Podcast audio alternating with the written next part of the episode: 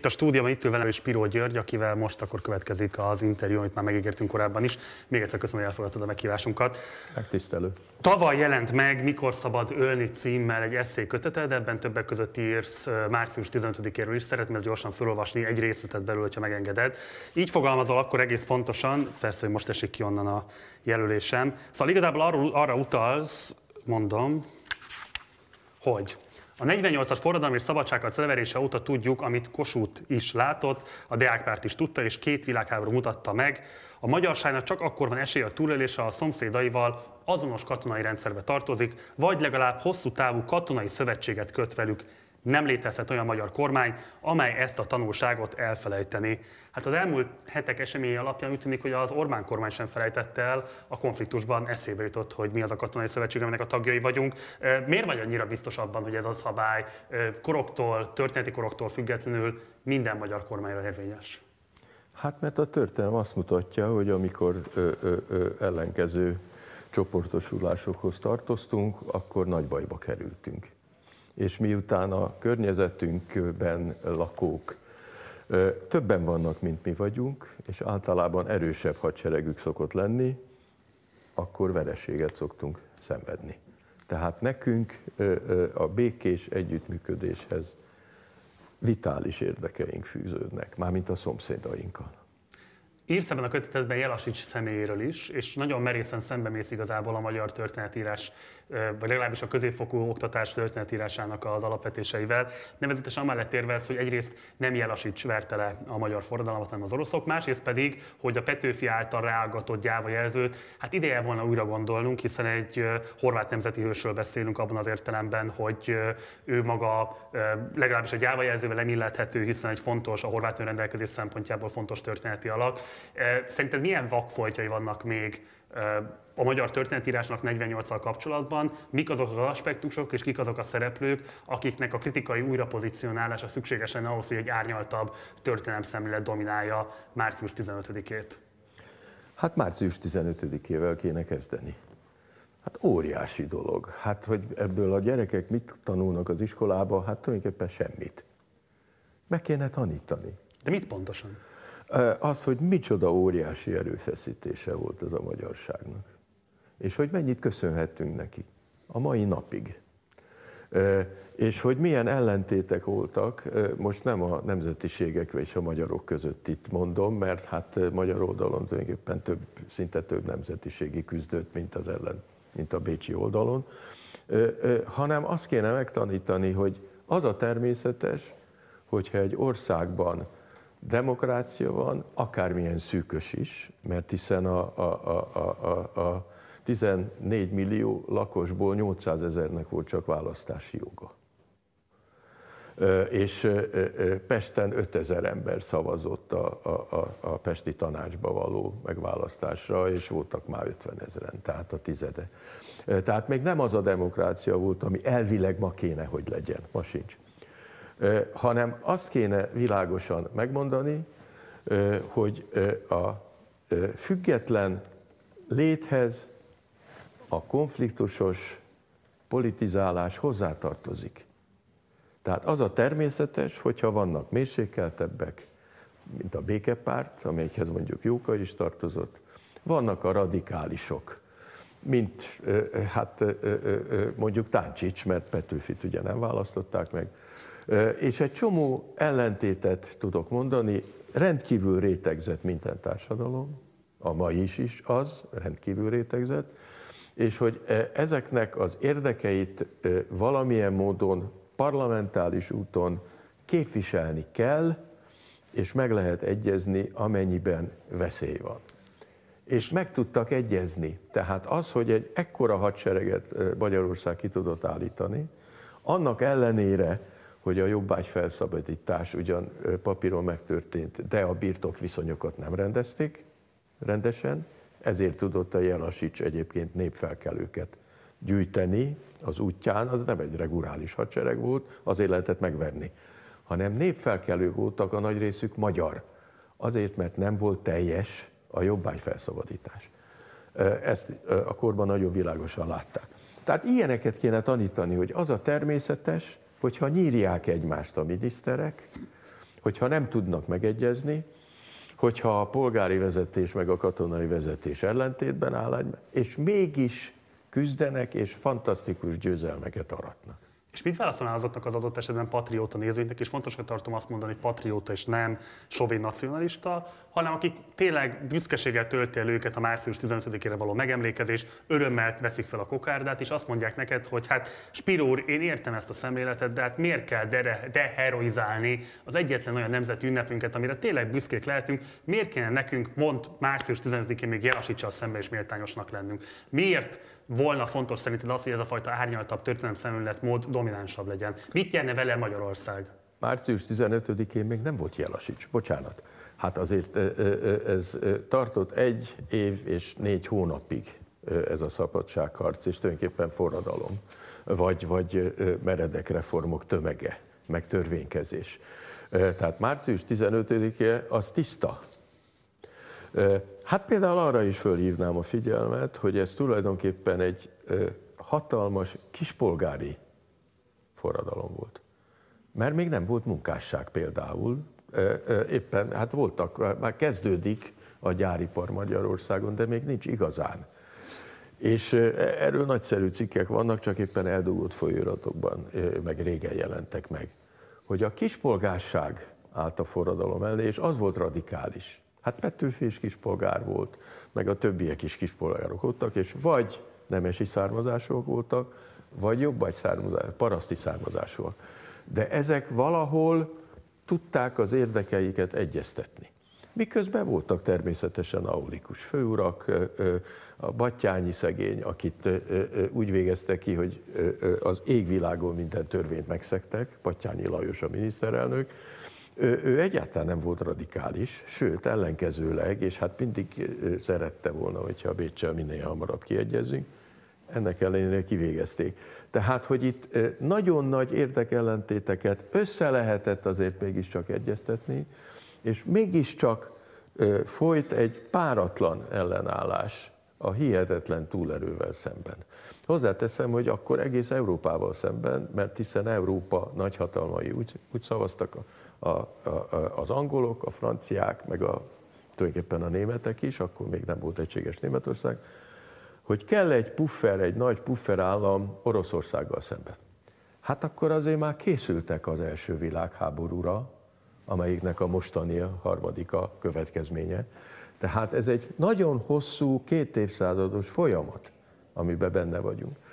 Na most ez a puffer állam, az sajnálatos módon azt mondta, hogy Ausztria, az osztrák birodalomra szükség van, és aztán az megint a magyar ellenállásnak, a megtorlás, a rettenetes megtorlásnak és az ellenállásnak a következménye, hogy Magyarország, ha nem is nyerte el a teljes függetlenségét, tehát a hadügyi és a külügyi függetlenségét nem nyerte el, de mégis beilleszkedhetett a nyugat-európai fejlődésbe. Óriási erőfeszítés kellett hozzá.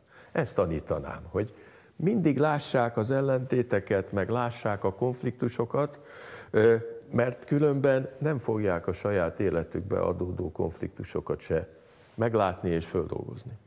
Március 15 emlékezetével és annak televíziós feldolgozásával is több beszédben foglalkoztál, például 92-ben a feudalizmus diszkrét bája, illetve az Éjjenek a bemondónök cíművel. Én most az utóbbiból fogok idézni, mert nagyon megejtőek az analógiák a mostani helyzettel kapcsolatban. Itt alapvetően az ellenzéki sokaságot ostoroztad, pontosabban arról beszéltél, hogy mennyire részben széttartó, részben megalapozatlanok azok a követelés együttesek, amelyekkel föllépnek. Egy hosszabb idézetet fogok most beolvasni. Engem leginkább az a jelszó mulattat, hogy Európa nagybetűkkel amelyet fel kell zárkoznunk, amelynek része vagyunk, amelytől elszakítattunk, a keresztény értékek Európája, a polgári szabadságjogok Európája, a szociáldemokrácia Európája. Egyik párt sem vette magának a bátorságot, hogy megmondja a polgároknak, ha megvalósul az Egyesült Európa, akkor nekünk végünk, mert odaátról azonnal lehúzzák a vasfüggönyt, hogy csak úgy csattan. A németek egyedül fogják Kelet-Európát gyarmatosítani. Mátyás király halála óta gyarmat voltunk, vagy félgyarmat, nincs ebben semmi szégyelni való, nem mi okoztuk, felelősségünk minimális. Most egy picit szerkesztettem benne, tehát kihagytam egy-két mondatot, de hát azért alapvetően remélem, hogy a lényeget jól idéztem vissza, majd erősíts meg ebben. Hát van benne valami válteszi, mert ezt 92-ben fogalmaztad meg, jóval az Európai Uniós csatlakozásunk előtt, amelyek kapcsolatos remények nyilvánvalóan talán mai napig hatnak, és részben megalapozottak, részben pedig a mai napig egyébként bizonyos szempontból illuzórikusak, akár csak a magyarországi felzárkózást illetően, akár csak azt illetően, hogy egyáltalán miről beszélhetünk európai értékek alatt, hogy az kapcsolódik-e jólét, hogy itt egyébként egy olyan politikai közösségnek vagyunk a tagjai, ahol nagyon komoly érdekek vannak, ugye korábban pont erről is beszéltél itt az adásban, hogy ezeket az érdekeket föl kéne ismerni, és nem kéne félni attól, hogy ezek megütköznek a demokratikus térben. Te hogyan próbáltál küzdeni azért, hogy ezeknek a gondolatoknak nagyobb nyilvánossága legyen? Helyen, és érzed azt, hogy bizonyos szempontból egy kudarc, hogy 2022 Magyarországán is még radikálisan felforgatónak hat, hogyha valaki ilyen tónusban beszél Európáról, felzárkózásról, jóléti reményekről. Igen. Az a helyzet, hogy ha az ember ír egy ilyen cikket, amelyik valamilyen napilapban vagy nagyobb példányszámú heti labban jelenik meg, akkor annak sokkal nagyobb a vízhangja, mint hogyha évekig dolgozik egy drámán vagy egy regényen. Ezt mikor fedezted fel? Ezt mindig tudtam, ez mindig így volt. Hát ez már a 70-es években így volt, amikor elég rendszeresen publikáltam ilyen-olyan lapokban, és mindig nagyobb volt a vízhangja annak, amit publicisztikában írtam, mint azoknak a komoly műveimnek, amelyekre én igazából föltöttem az életemet. Na most azok nem is ilyen kérdésekkel foglalkoznak, hanem azok megpróbálják az embert, mint olyat, komplexen bemutatni, és hát egy ilyen cikk, ez nem mutatja be az embert magát, ez bizonyos tendenciákat próbál megfogalmazni. Hozzá kell tennem, hogy már akkor is mindig mondtam, és azóta is nem győzöm hangsúlyozni az ilyen publicisztikus vagy, vagy interjúszerű megnyilvánulásaimban, hogy sokkal jobb német gyarmatnak lenni, mint orosz gyarmatnak. Ezt én nem győztem hangsúlyozni. Világ életemben ezt mondtam, hogy nem jó gyarmatnak lenni. Jó, na most az, hogy mi a gyarmat, hát azért túlzik, túl, túlzásokba esik az ember, mert karakteresen akar fogalmazni, és nyilvánvaló, hogy nekünk rengeteg erőnyünk származott abból, hogy Európához tartozhatunk, vagy tartozhattunk eddig, és annak idején 97-ben, amikor a NATO csatlakozásról szavaztunk, boldog voltam, hogy valami 85%-ot kapott a NATO csatlakozás Magyarországon. Óriási, mert a magyar nép jól szokott szavazni. Azóta is azt látom, hogy általában jól szavaznak. Mindegy, hogy ugyanolyan módszerekkel befolyásolják a választást, mint amikor Petőfi szabadszálláson elveszette a választását. Mindig manipulálták, ez egy kelet-európai bevált szokás. Ennek ellenére nem szoktak rosszul szavazni a magyarok, és az, hogy megszavazták a NATO csatlakozást, az azt jelentette, hogy jól látják a helyzetet. Jól láttuk. Na most az, hogy bizonyos szempontból egy csomó gazdasági ügyet érintve, mi nem jöttünk nagyon jól ki a rendszerváltozásból, Hát az azért van, mert ez kis ország.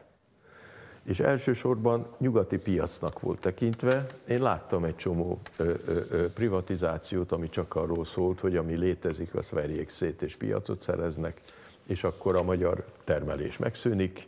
Sok minden ilyen volt, ennek ellenére jobb nyugati gyarmatnak lenni, mint keletinek. Ezt fogalmaztad meg 92-ben, és konkrétan ezt írod. Ez a nép soha nem attól maradt fenn a mindig is kutyakemény feltételeket diktáló Európában ezer éven át, mert a nemzeti büszkesége hajtotta, hanem mert a gyarmati és félgyarmati függőséget valamennyire mégis a maga javára tudta fordítani. Szerinted miért van az, hogy ezt a állítást, vagy ezt az igazságot, ezt a magyar politika osztályoktól függetlenül nagyon kevésé tematizálta az elmúlt három évtizedben? De hát vannak kiváló, a, a politika nem, a politika azt tematizálja, ami az érdeke. De ez nem lenne érdeke ezt beláttatni nem, magyar emberek nem, tömegeivel? Nem, nem, nem. A, a, a, a, a politikusok mindig azt mondják, hogy ők fantasztikus eredményeket ér, ők személyesen, vagy a világnézetük révén fantasztikus eredményeket értek el, és hogy milyen jó a helyzet. A helyzet általában nem szokott olyan nagyon jó lenni, van, amikor nagyon rossz a helyzet amikor a politikusok nem azon működnek, hogy az országon belül, amihez szabad kezük van, azt tisztességesen megoldják, akkor van a baj. Nem hiszem, hogy Magyarországnak, egy kis országnak igazán önálló külpolitikája lehetséges lenne. Ebben nem hiszek. Ez nagyon régen így van, hogy nincsen olyan. Eh, ahogy a Habsburg birodalomban hiába volt magyar a külügyminiszter, azért nem a magyar érdekek voltak az elsődlegesek abban a monarchiában, rá is fáztunk ugye az első világháborúban. Amiről mindenki tudta, hogy nem kéne belemenni, de hát nem lehetett nem belemenni. Ez egy nagyon-nagyon tragikus helyzet. De mindaz, ami nem érdekli azokat, akik a mi gazdasági viszonyainkat kívülről alapvetően meghatározzák, és ebben azért nem csak nyugatiak vannak benne, hanem keletiek is benne vannak, mert hiszen az energia az rendkívül súlyos kérdés. Mindaz, ami csak tőlünk függ, a kérdés az, hogy egy kormány hogy teljesít, hogyha abban jól teljesít. És itt az a baj, hogy az egészségügy az ránk van bízva, abba a kutya nem szól bele. Az oktatás ránk van bízva, a kultúra ránk van bízva. Tehát a mai magyarságnak a lelki és szellemi jóléte az igenis a magyar kormányokra van bízva, és hogyha ebben rosszul teljesítenek, akár szándékosan, akár szándéktalanul, akkor azt igenis számon kell kérni. Egy másik idézet még ugyanebből az írásodból. A pártok úgy látom a műsoraikból komolyan hiszik, hogy az emberek beveszik azt a maszlagot, miszerint itt Svédország lesz a kegyes nyugatiak mérhetetlen jó indulatából. Ezzel picit azért ellentmond az, amit most fogalmaztál meg, nevezetesen, hogy egyébként a jóléti rendszereink oktatás egészségügy kapcsán igenis lehetne akár Svédország és Magyarországon. Tényleg lehetne Svédország? Nem, Svédország nem lehetne, de nem is kell Svédországnak lenni. Itt a rendszerváltás környékén azt hirdették, hogy nem tudom, 5-10-15 éven belül olyan lesz az életszínvonal, mint Ausztriában. Én akkor egy másik cikkemben leírtam, hogy olyan lesz a helyzet Magyarországon, mint Dél-Amerikában. Olyan lett egyébként, mert mindazok a peremfeltételek, amelyek között Magyarország találta magát, miután kiesett egy másodlagos világpiacról, ez volt a szovjet, és bekerült az elsődlegesbe, ahol leértékelődött azonnal, és majdnem a harmadik világ szintjére került. Óriási eredmény, hogy ennek ellenére azért valamilyen módon a magyar gazdaság mégis tudott működni. Tehát azért voltak olyan periódusok, amikor a magyar gazdasági és politikai vezetők azért mindent elkövettek, hogy valamilyen módon a veredek romlást elhárítsák, vagy valamilyen minimális fejlődést elérjenek. Tehát azért vannak periódusok az elmúlt 30 évben, ezt nem szabad elfelejteni. Tehát nincs kizárva annak a lehetősége, hogy a romlást lehet csökkenteni, illetve át lehet állítani, és elsősorban neveléssel és oktatással, mint például Finnországban, meg egyéb helyeken, az országot egy fejlettebb típusú termelésre. Ez nem történt meg. De ugye itt az egy fontos kérdés, hogy amire utalsz itt a pártok felelőssége kapcsán, hogy arra van most már kondicionálva a társadalom, hogy ne is akarja meghallani azt, hogy Magyarországnak a felzárkózása a strukturális okokból egész egyszerűen létezhetetlen, vagy arról van szó, hogy a politikai pártoknak sokkal inkább áll érdekükben ezt az illúziót táplálni, semmint hogy adott esetben egy reálisabb beszédmóddal próbáljanak maguknak tömegtámogatottságot szerezni. Hát a tömegtámogatást azt általában nem jelszavakkal szokták szerezni hosszú távon. Egy rendszerváltásos hangulatban igen, egy-egy jó jelszó nagyon sokat ér. De egyébként az emberek kiszolgáltatottságával szoktak operálni. És hát az ö, ö, ö, operál ezzel, aki hatalmon van. Hát az ellenzéknek nincsenek az emberek kiszolgáltatva, tehát az ellenzék rosszul indul. De hozzá kell tennem, hogy az, hogy Európát akarunk, szerintem ez ma is érvényes jelszó,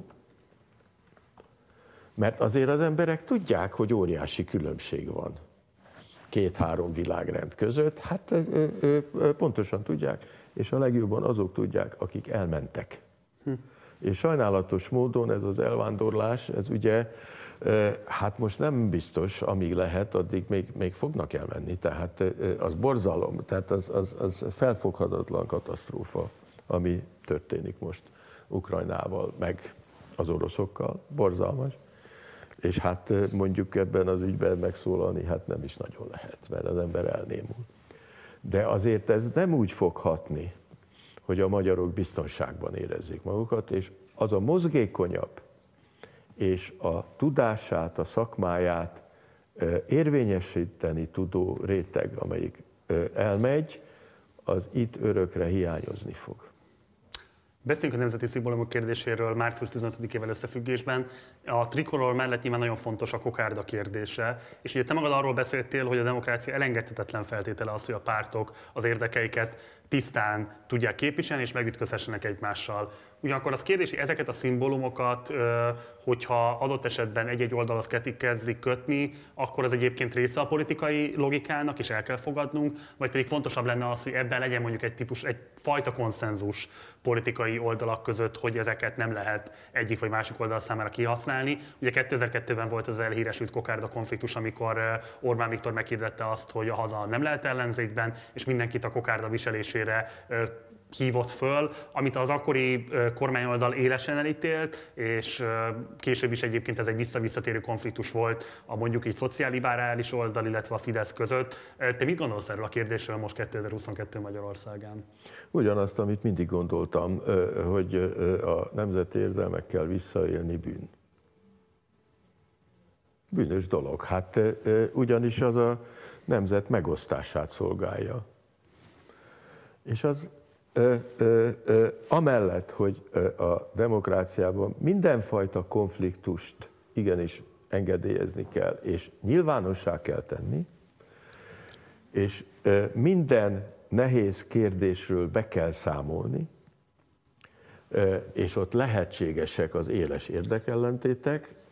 Mondjuk az, hogy nemzetállamok alakultak ki a 19.-20. század során, és még most is alakulnak ki, ez úgy nézem, hogy valami objektív folyamat, ebből nem lehetett kimaradni, és továbbra sem lehet igazán kimaradni, és a nemzetállam az egy olyan védőháló, a legtöbb embert magába foglaló, és tulajdonképpen részben spontán módon a polgári fejlődéssel kialakult védőháló, amelyről egyelőre nem lehet lemondani, ami nem zárja ki azt, hogy a nemzetek egymással csodálatosan tudjanak együttműködni. Tehát én nagyon örülök, hogy egyelőre még az Európai Unióban vagyunk, és nem igaz az, hogy a mi nemzeti állami létünket az Európai Unió fenyegeti, mert nem érdekli a többi országot, hogy Magyarországon mi van hogyha azt mondod, hogy demokráciában fontos az, hogy a politikai konfliktusokat nyíltan fel lehessen vállalni, és az érdekkülönbséget a lehető legtranszparensebben lehessen láthatóvá tenni, akkor közben miért gondolod azt, hogy bűn a kokárda adott esetben vett kisajátítása, hiszen nyilvánvalóan az is a politikai logikának a része? Vannak valóságos konfliktusok, amelyek a társadalmi fejlettséggel és a, a, az általános fejlődéssel és az előzmények miatt alakultak ki, és ezekről igenis be kell tudni számolni, és ezeket verbalizálni kell. És vannak mesterséges konfliktusok, amelyeket azért gerjesztenek, hogy eltereljék ezekről az igazi konfliktusokról a figyelmet. Uh-huh. Az a mellébeszélés maga és amikor valakiket ki akarnak zárni a magyar nemzet köréből, és most teljesen mindegy, hogy faji alapon, nincsenek fajok természetesen, vagy osztály alapon, mint ahogy ez a 20. században már kétszer igen súlyosan megtörtént Magyarországon, akkor minimum a rossz hiszeműséget kell feltételeznünk. És tudjuk, hogy mind a kettő zsákutcába vezetett. Tehát ezekkel játszani bűn. Beszéljünk egy kicsit Kelet-Európáról, már csak azért is, mert részben van 48-as vonatkozása is ennek, amikor hirtelen újra lett jelentőség, vagy talán először lett jelentősége ilyen értelemben a régiónak, és hát most ugye, ha egy hónappal ezelőtt beszélgettünk volna, valószínűleg teljesen más mondtunk volna arról, hogy mit jelent kelet-európainak lenni, mint most, amikor az orosz invázió hatására kirobbant a háború Ukrajnában. Ugye részben van egy olyan nyugati értelmezés is, hogy a Kelet-Európára most kivezelten szükség van, mint egyfajta pufferzónára, vannak olyan hangok is a régión belül, amelyek pont ezt a pufferzóna kérdést kérik ki maguknak, és próbálják azt tematizálni, hogy itt azért eh, ennél sokkal összetettebb geopolitikai eh, kitettségek vannak és összefüggések, amelyeket nem biztos, hogy nyugatról pontosabban láthatnak. Te hogyan látod és nyilván nem megkerülhető a háború kérdése. Mit jelent most 2022-ben kelet-európainak lenni? Életveszély. Röviden. De hozzá kell tennem, hogy én úgy látom, hogy Európának és Oroszországnak együtt lett volna esélye egy kicsit felkapaszkodni. Nagyon egymásra van utalva Európa és Oroszország, főleg a németeknél lehet ezt, ezt látni, akik ezt fölismerték, Gazdaságira felismerték. Hát ami azt jelenti, hogy politikailag is. Hát azért... De kultúrásan azért érezték ezt a konfliktust, nem? Nem éreznek semmit. Tehát el voltak kényeztetve, és nagyon rég volt a háború. A, a baj az, ezt én többször hangoztattam, hogy 50-60 évvel ezelőtti fogalmakban gondolkoznak a vezető politikusok a világban. Abban gondolkoznak, amiben felnőttek, és azóta nem tartottak lépést. És ez végzetes, mert fogalmuk sincs, hogy mi mivel jár, de nem is tudták, hogy a második világháború, meg az első világháború mivel járt, mert elfelejtették a világban mindenütt. Mármint ahol nem volt háború. Jugoszláviában nem felejtették el. Ott azért tudják, hogy mi a háború, mert nem olyan régen volt. A világ Afrikában, Ázsiában egy csomó helyen nem felejtették el, mert ott háború folyt végig, de Európában elfelejtették. És felelőtlenül politizáltak, és felelőtlenül szervezték a gazdasági életüket. Na most ennek egy része persze Kelet-Európa, de mi Európa része vagyunk, tehát itt ne legyen tévedés, és amikor orosz szempontból fenyegetik Európát, akkor az egészet fenyegetik, legfőjebb megint csak egy része lesz igazán kitéve a szörnyűségeknek, Hát Ukrajna, hát az, az, az rettenetes. Hát szóval amellett, hogy az ukrán nacionalizmus az most nő, most igazán teljesedik ki, hát mikor máskor. Most lesz az igazi nemzetté. Na de hát milyen áron?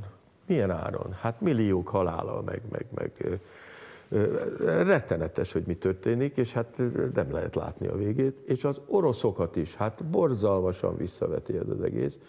Na most ez a térséget is visszaveti mindenkit visszavet. 50, 100, 150, ki tudja hány száz évvel. Hát azért a jugoszláv háborúban, amire nem figyeltek oda Magyarországon, én véletlenül, mert érdekelt vagyok lelkileg, meg szellemileg a dologban, még drámát is írtam annak idején, még tartott a háború, meg, meg írtam novellákat róla, mert, mert engem érdekel, és, és hát azóta is figyelemmel kísérem. Porzalmas, hogy milyen visszaesés következett be és azt nem lehet csak úgy behozni. Pedig hát a háború elég régen vissza, más kérdés, hogy a tűzfészkek azok megvannak ma is. Boszniában, Koszovóban, mindenütt megvannak. Beláthatatlan, és nagyon rosszat tesz, mondom, egész Európának, Oroszországgal együtt borzalmas kára származik ebből az elmebajból. Ugye a 2012-es békemeneten jelent meg először az a jelszó, hogy nem leszünk gyarmat, és részben azért is kérdeztem ezt a kelet-európai kérdést, mert hogy ugye az Orbáni retorika folyamatosan utalt arra, hogy itt a V4-eknek egy olyan szövetsége képződik meg az elmúlt egy évtizedben, ami majd ellensúlya lesz Nyugat-Európának. Most ugye pont a orosz konfliktus miatt, a háború miatt ez a legalábbis mondjuk a például már a lengyel-magyar barátságban mutatkoznak törésvonalak. De ugyanakkor ez a jelszó, hogy nem leszünk gyarmat, ez azért rezonál azokra az írásokra, amikben te is amellett érveltél, hogy azért Magyarországnak bizonyos értelemben ez a gyarmati, félgyarmati státusza volt mindig is az, ami meghatározta az alapvető mozgásterét. Ehhez képest az a követelés, hogy nem leszünk gyarmat, benned hogyan rezonál? Sehogy hát üres, üres a dolog, mert hiszen gazdaságilag és politikailag egy kis ország ki van szolgáltatva az erősebbek. Az a kérdés, hogy hogy tud ezen belül mozogni. Óriási nagy különbségek vannak azért a mozgásban. Mi egy kicsit nehezebben mozgunk, mint a lengyelek is, mert hát egyrészt négyszer annyian, vagy háromszor annyian vannak, mint mi vagyunk, másrészt pedig olyan érzékeny helyen vannak a németek és az oroszok között, még vallásilag is, ugye a protestánsok meg az ortodoxok között, mint katolikusok, hogy ők azért erről valamivel többet tudtak, és ők mindig keményebben szoktak szembeszállni a bajjal, mint a magyarok. A magyar nem ugrálós nép, a magyar kivár, mondjuk passzív ellenállásba jó szokott lenni, de a lengyelek állandóan föllázadtak az én életem során is. újabb meg újabb lengyel felkelések voltak. És hát ennek meg is volt az eredménye, mert a lengyelek egy sokkal rosszabb helyzetből kifejezetten jobb helyzetbe kerültek a békébe, a békeidő alatt, mint Magyarország. Bocsáss, most... szerinted most egyébként kifejezetten elnehezítheti a lengyel-magyar barátságot és szövetséget ez a háborús konfliktus, vagy ez most alapvetően csak egy pillanatnyi politikai helyzetnek szól, és nem kell közép-hosszú távú következményektől tartani? A lengyelek soha nem értették, hogy a magyarok miért nem félnek jobban az oroszoktól.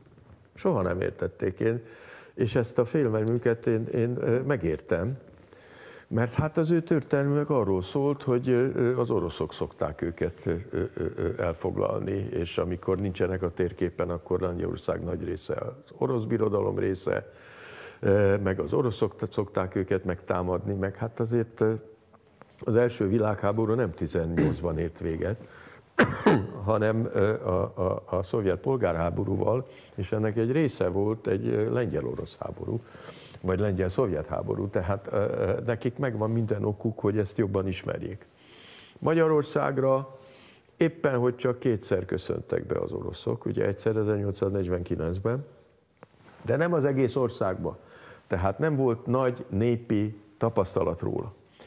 És hát aztán 45 után, ami hát egy nagyon kétértelmű helyzet volt, mert teljes joggal igen sokan úgy érezték, hogy felszabadították a, a szovjet csapatok Magyarországot, és mondjuk ebben ugyan nem mindenki osztozott ebben a meggyőződésben, de aztán 56-ban lett egy közös élmény, hogy az a, a szovjet csapatok ellen kellett harcolni, csak éppen a kádári konszolidációnak megvolt az a erkölcsileg bomlasztó hatása, amikor egy kicsit jobb lett az élet, és amikor egy kicsit megengedték az embereknek, hogy picit úgy éljenek, ahogy szeretnének. Egy, nem teljesen, de egy kicsit. Hogy ez elfelejtődött. És 89 óta meg hát egyáltalán az oroszokról senki nem tudott Magyarországon semmit. Na most én mindig nagyon kemény szavakkal kárhoztattam a magyar értelmiséget, amiért nem tanult meg oroszul. Emiatt fogalmuk nincs, hogy mi van az oroszok fejében.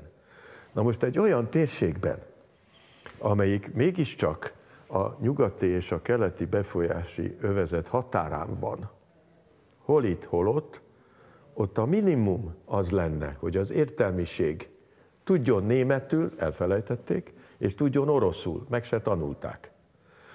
Az, hogy angolul a legrosszabbul Európában, Magyarországon tudnak, de hogy mégis az értelmiségből valakik tudnak valamit angolul, az megtévesztő. Az megtévesztő, mert az angolok meg az amerikaiak, hát azoknak nincsenek olyan ismereteik erről a világról, mint például a lengyeleknek. Ezt én mindig nagyon nagy hibának tartottam. Még egy kérdés elég csak ez a békementes szlogenhez visszakötve, ami úgy szólt, hogy nem leszünk gyarmat, hogyha azt kárhoztattad az írásaidban, hogy megvezetik a magyar népet azzal kapcsolatban, hogy milyen függelmi viszonyok vannak és kitettségek, akkor mégis nem lehet elismerni ennek a követelésnek a létjogosultságát? Miért érzed mégis álságosnak akkor, hogy ez alatt a Molino alatt vonultak 2012-ben, és hát azóta gyakorlatilag mindegyik békemeneten? Most nem vagyok kint, tehát nem tudom, hogy pontosan milyen Molino van, de felteszem, a követelés vagy jelszó továbbra is érvényes. Igen. Hát az utóbbi évtizedben, vagy több mint évtizedben azért néhány francia meg olasz céget kiűztek Magyarországról, amelyek a rendszerváltáskor jöttek be, de a németeket valahogy nem, sőt ellenkezőleg. És hát olyan irdatlan adókedvezményeket kapnak a német cégek, amit még Ázsiába se. Na most ennek persze megvan a, a, a, a racionális magva, hogy ide telepítsék a termelést, és ne Ázsiába. Hát most már a Covid óta kiderült, hogy az egy kicsit időnként messze van, meg hogy nem volt racionális egészen az sem, meg nem hosszú távú gondolkodásra vallott. Na de hát e, e, ez azt jelenti, hogy mi adófizetők fizetjük mindazokat a közterheket, amelyeket 10-15 nem tudom hány évre ezeknek a multiknak, ezeknek a dúsgazdag multiknak elengedett a magyar állam a nevünkben, holott nem is értesítettek minket róla. Tehát ezért álságos, hogy nem leszünk német gyarmat, amikor hát közben meg a kormányzat a maga módján és a maga érdekében, és részben, persze magyar érdekből is, részben elismerem, de mégiscsak a gazdasági gyarmatisítást támogatta. Ezért álságos. Hamarosan majd fog érkezni Orbán Viktor beszéde, amit a békemenet közönségének tart a Kossuth téren, és ezért is kérdezem tőled, hogy engem meglepő 2010 után senki nem vette elő a Békecsászár című drámádat. Ugye ezt, ha jól tudom, soha nem is mutatták be színpadon. Nem is fogja. És miért nem kérdezem tőled, miközben egyrészt a technológiai változások miatt is, de részben a 2010 utáni magyarországi politikai változások miatt is ez az imaginárius, elképzelt vagy spektakuláris vezér hétköznapi tapasztalatává vált a magyaroknak. Nem csak arra gondolok, hogy Orbán Viktor mennyire megközelíthető, hogy nem ad interjút, hogy én magam is, nem tudom én, az elmúlt 35 évenben tévéképernyőkön keresztül láttam, hanem gondolok arra is, hogy a Facebook nyilvánosság, a social media nyilvánosság olyan szinten tette digitálisá, kétdimenziósá az emberi viszonylatokat és a nyilvánvalóan tömegtársadalmi politikai mozgásokat, amelyek miatt kiemelten izgalmas lehet ez a 81-ben megjelent vagy megírt drámád, hogy milyen módon jelezte elő azt, hogy milyen veszélyekkel jár az, hogyha a képzelőerőt uralja a hatalom, és hogy a képzelő uralása nélkül igazából reális hatalomgyakorlás, vagy reálpolitikai hatalomgyakorlás nincs. Te nem érezni szükségét annak, hogy ezt újra elővegyed, akár te magad esetleg valamilyen módon ezt figyelmébe ajánlsz színházigazgatóknak? Nem, inkább újat írok. Igen? Igen. De persze. ennek a nyománt, vagy ezt esetleg továbbfejlesztve? Hát én ezzel mindig foglalkoztam, hogy hogy épül föl egy illúzió. Kétféleképpen lehet az illúziókat, a társadalmi, nagy társadalmi illúziókat bemutatni. Az egyik az, amikor szétbomlanak. Ez a többség, tehát amikor jön egy háború, és szétveri azt, ami addig volt, és akkor kiderül, hogy sok minden álságos volt addig, és a másik, amikor a keletkezését fogja meg az ember, ezt ritkábban szokták csinálni, ezt csináltam ebben a darabban. De mondjuk miután nagyon nehéz előadni, mert nagyon sok színész kell hozzá. És, és Azért erre vannak rendező megoldások, amivel ez Nehéz, nehéz megcsinálni. De, de nem is érdekes, mert végül is én ezzel a dologgal később is foglalkoztam ilyen-olyan műveinkben, és, és én bőven megelégszem azzal, hogyha mondjuk az oroszokról írt regényemet elolvasnák, nem olvasták el annyian, mint szerettem volna, mert nem érdekli őket. Magyarokat általában nem érdekelte Oroszország.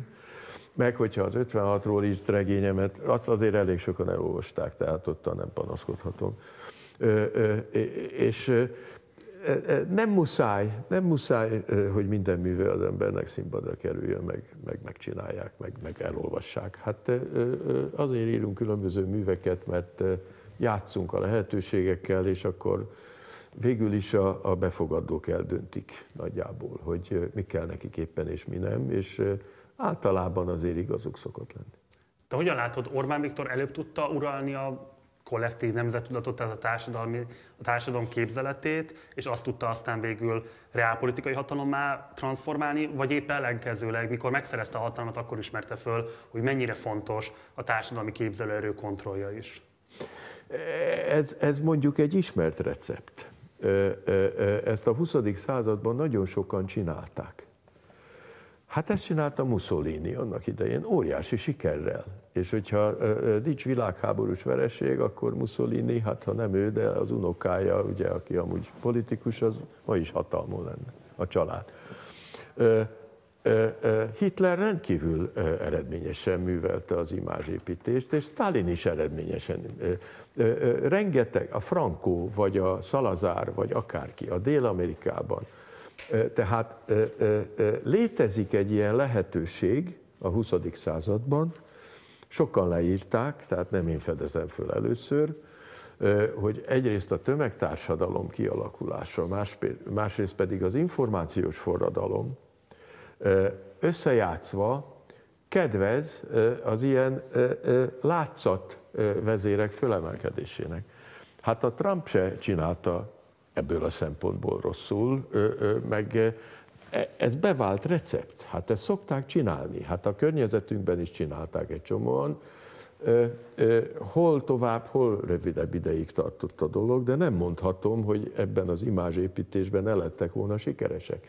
Ez egy létező műfaj a mai világban, és ez a internetes, tévés politizálás, ez látjuk, hogy hová vezet, a katasztrófába vezet. Ezt látjuk. Tehát ez maga egy válságjelenség.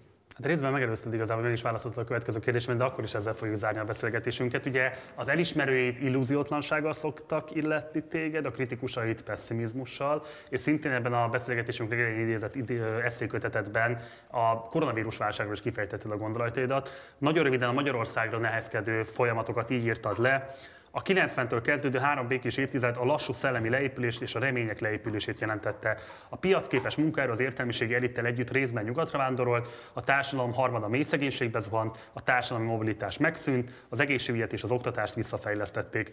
A társadalom legfelső tizede jól járt, 2-3 százaléka meggazdagodott, ezzel visszaállt a két világháború közötti, a harmadik világra általában jellemző állapot. Kelet-Európában a parlamentáris demokrácia kezdetén a lakhatás és a foglalkoztatottság alanyi jogát megvonták, kárpotlásul felerősítették a sovinizmust, ami Európát a 20. században kétszer is romba döntötte. És úgy zárod ezt az írásodat, hogy ezt egész kataklizmát majd túléli, tapasztalni fogja, milyen a technikailag fejlett középkor.